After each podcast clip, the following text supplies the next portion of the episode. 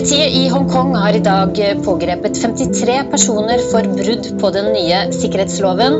Blant de pågrepne er både opposisjonspolitikere og demokratiaktivister, som er mistenkt for motarbeidelse av myndighetene.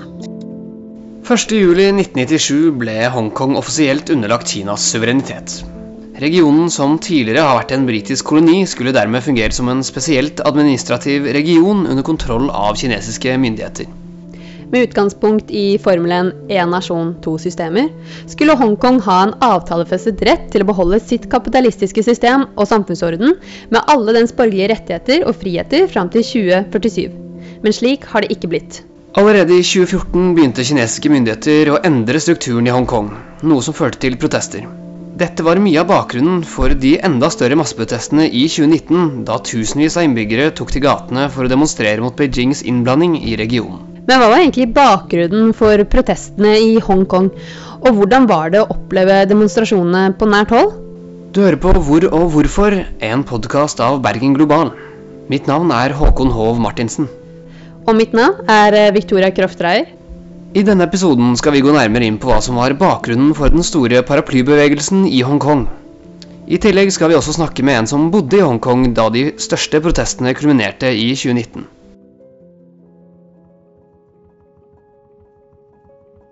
I juni 2019 brøt det ut enorme masseprotester i Hongkongs gater. Tusenvis av innbyggere samlet seg til protester i gatene og demonstrerte mot et nytt lovforslag fremmet av de kinesiske myndighetene i Beijing. Denne loven ble omtalt som en utleveringslov, og innebar at personer som var mistenkt for kriminelle handlinger, kunne bli utlevert fra Hongkong til Kina. Flere av innbyggerne stolte ikke på at dette bare ville gjelde alvorlige forbrytelser, men fryktet at loven også ville omfatte personer som var kritisk til det kinesiske kommunistpartiet. Det betød at dersom lovforslaget gikk gjennom, ville innbyggerne i Hongkong risikere at regionens demokratiforkjempere kunne bli utlevert og rettsforfølges i Fastlandskina. Lovforslaget vekket såpass sterke reaksjoner at Hongkong 9.6.2019 opplevde en av de største demonstrasjonene på over 15 år. Men var det kun dette lovforslaget som fikk innbyggerne til å protestere? Nei, dette er spenninger som har bygget seg opp over lang tid. Eh, grunnen til at innbyggerne i Hongkong ikke ønsker å underlegges makten i Kina, er fordi området lenge har hatt eh, demokratiske institusjoner. Dette er jo ikke noe som eh, Kina er kjent for å ha. Disse demokratiske institusjonene stammer helt tilbake til 1841, da Hongkong ble underlagt britisk kontroll og fikk implementert britiske institusjoner og styresett. Men eh, britenes regjeringstid hadde en utløpsdato. Med tiden ble det utformet en leieavtale for Hongkong som fastslo at hele Hongkong skulle bli et Kina-kontrollert område under Beijing etter 99 år. Nesten 150 år etter, i 1984, utformet britene en avtale for Hongkong som skulle sikre at regionen fikk beholde sin kapitalistiske økonomi og styresett i minst 50 år, selv om de gikk tilbake under kinesisk kontroll.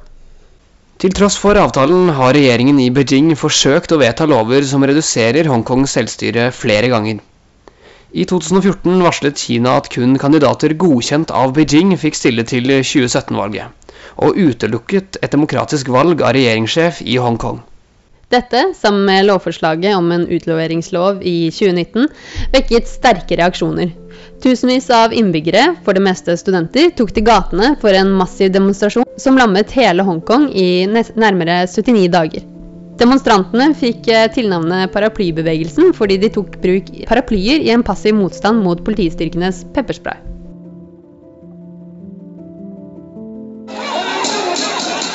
Politiet i Hongkong brukte gummikuler i et forsøk på å få kontroll, men det ble bråk og uro som forventet.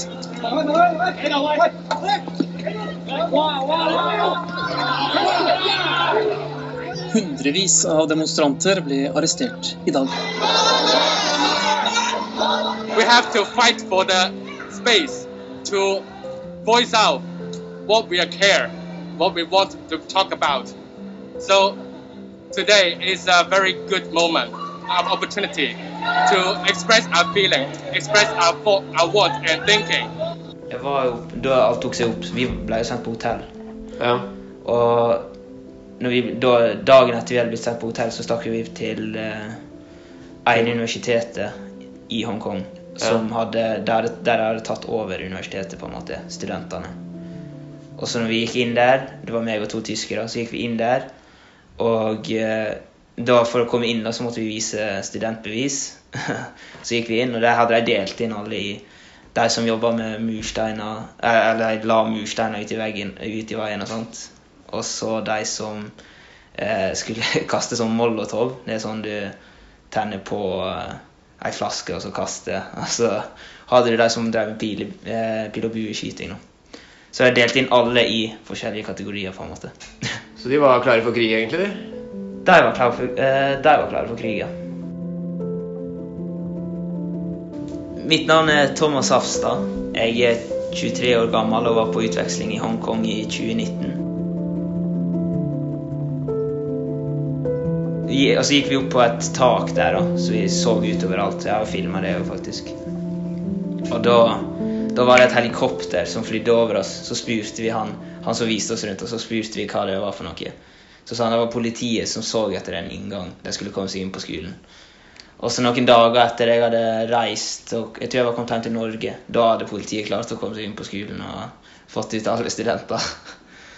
Hvor ofte skjedde sånn som det her? Det her skjedde mest på slutten, egentlig.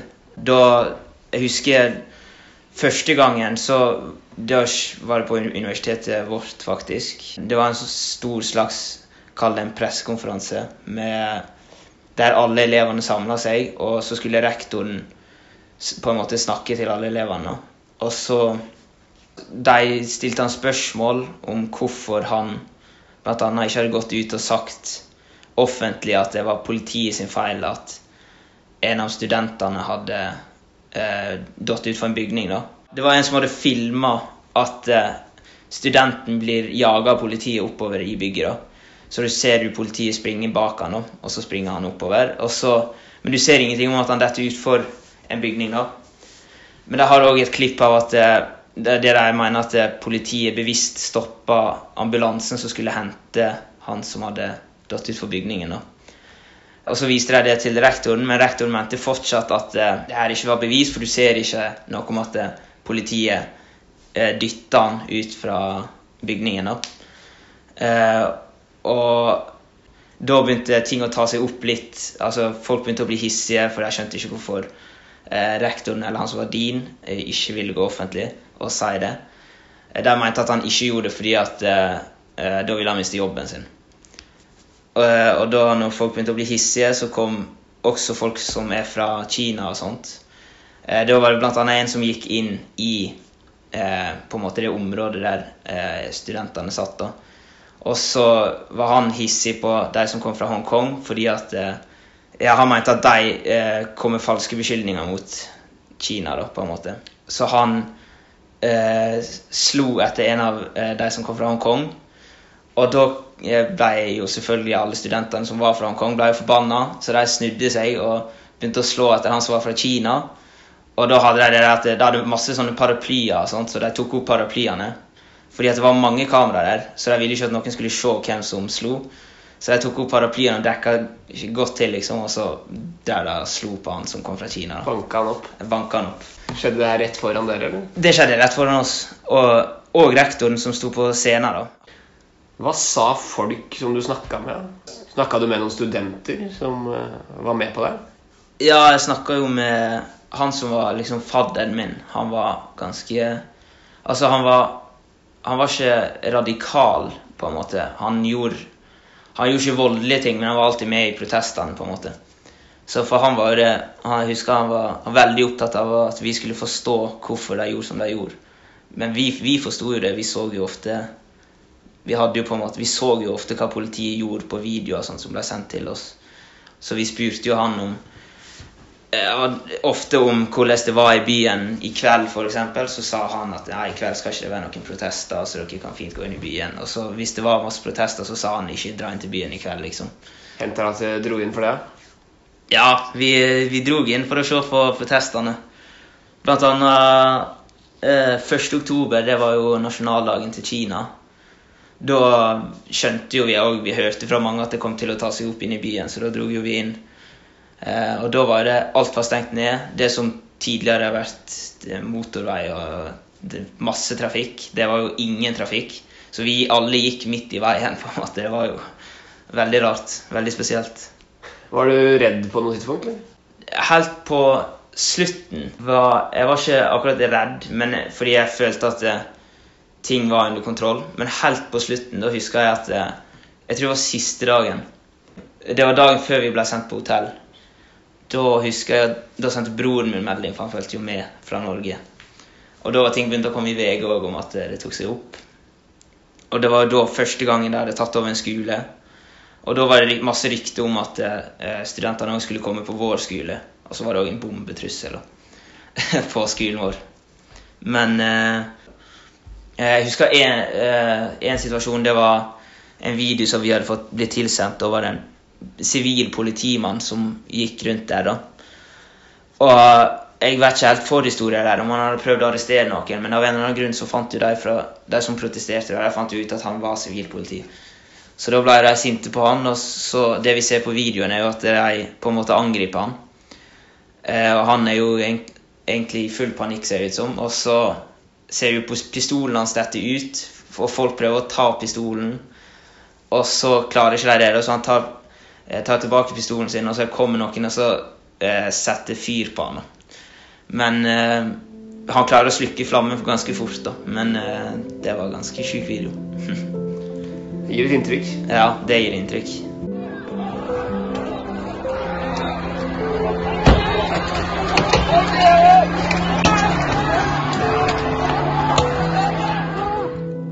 Vi hadde Vi satt faktisk i kantina. Jeg vet ikke helt, jeg husker ikke helt hvordan vi møtte på han. Men han var jo Han var jo som alle andre som eller de fleste vi snakka med som var fra Hongkong, litt sjenerte og syntes det var artig at vi ville snakke med dem. og sånt. Men eh, han eh, Vi snakka egentlig om alt mulig, og så etter hvert da så spurte vi han litt om hva han syntes om situasjonen i Hongkong. Og da eh, ble han litt sånn Litt sånn som alle andre når du spurte. Jeg ble litt sånn svart i øynene, litt irritert med en gang jeg begynte å snakke om det. Og så snakka han veldig masse om det, da. At situasjonen, hvorfor ting var som det var, og hvorfor de gjorde som de gjorde eh, da fortalte han oss hele tida om hvor heldige vi var som var fra Norge og Europa. da. Eh, han var veldig opptatt av at Norge virka som et veldig fint land. og Dit ville han dra hvis ikke Nei, hvis det var sånn at eh, Kina kom til å ta over Hongkong og sånne ting, drev han og sa. da. Men eh, også eh, i seinere tid, jeg tror det var etter vi kom tilbake til Norge, så hadde han ene fra som var fra Norge, da, han hadde fått en snap av han eh, som var fra Hongkong. da, Og da hadde, var det bilde av han og en pil og bue. Så han var en av de som på en måte var i hva skal jeg si, front, fronten på krigen, på en måte. Med pil og bue og ja. Hva sitter du igjen med etter det halvåret der borte? Jeg fikk jo se på en måte veldig masse av at alt ikke er så så perfekt som vi har det i Norge. på en måte. Så du på den situasjonen som håpløs, eller ser du noe håp for at ja. vi skal klare det? Ja, jeg husker vi drev og snakka om det, at vi følte liksom ikke hvordan skulle, det, altså hvordan skulle de klare å på en måte vinne den krigen, da, i hermetegn. Eh, og vi spurte jo en taxisjåfør en gang, faktisk når vi reiste hjem fra byen, om han så situasjonen som håpløs. Og han sa jo det samme, egentlig. Han følte at det, alle studentene ikke hadde, og Hongkongs befolkning ikke hadde sjans hvis f.eks. Kina skulle komme med sine styrker. Da. For i Hongkong er vel en by på, på 7 millioner mot, Hongkong, nei, mot Kina som er Jeg vet ikke hvor mange millioner som bor der. Det er i hvert fall mange. Ganske mange. Så ja, jeg så, jeg så, jo alltid det som litt vanskelig, da. Men jeg eh, skjønner jo godt at de ville kjempe for det de så som demokrati og frihet.